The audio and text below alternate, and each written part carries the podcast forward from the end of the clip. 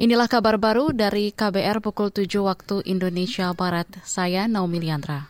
Indonesia dan China menyepakati 10 nota kesepahaman. Penandatanganan nota kesepahaman disaksikan langsung Presiden Joko Widodo dan Presiden RRT Xi Jinping kemarin di Balai Agung Rakyat di Beijing, China. Presiden Jokowi meyakini hubungan baik Indonesia dengan RRT akan makin kuat ke depannya. Baik kedua negara kita akan semakin kuat di masa depan masa yang akan datang.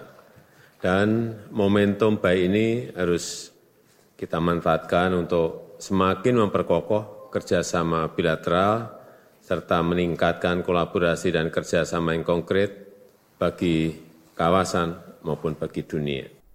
Itu tadi Presiden Joko Widodo, nota kesepahaman yang ditekan kedua negara di antaranya tentang persyaratan pemeriksaan, karantina, dan sanitasi veteriner terhadap produk yang akan diekspor ke Tiongkok protokol persyaratan karantina dan kebersihan hewan akuatik yang dapat dimakan dari Indonesia ke Tiongkok, kerjasama implementasi inisiatif pembangunan global, hingga kerjasama pembangunan pedesaan dan pengentasan kemiskinan.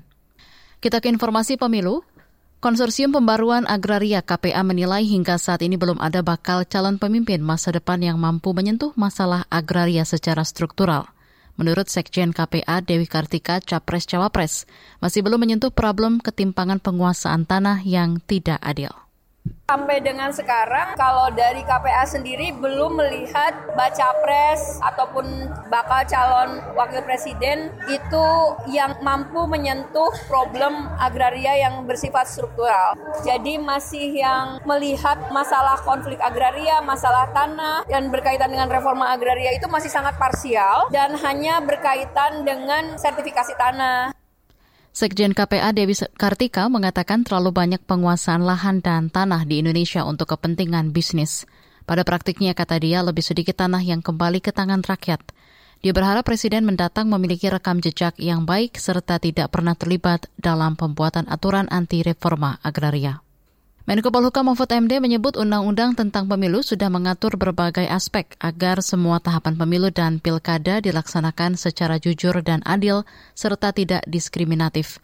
Mahfud mengklaim aturan itu juga memastikan pemilu dan pilkada dilandasi persatuan dan kesatuan, serta mencegah berbagai kemungkinan yang menjadi sumber perpecahan serta tidak diskriminatif terhadap semua warga negara tanpa memandang suku, agama, ras, dan golongan. Materi kampanye baik pemilu maupun pilkada adalah penyampaian visi, misi, dan program calon serta para peserta pemilu. Menko Polhukam Mahfud MD mengatakan suksesnya Pesta Demokrasi 2024 memerlukan peran serta masyarakat.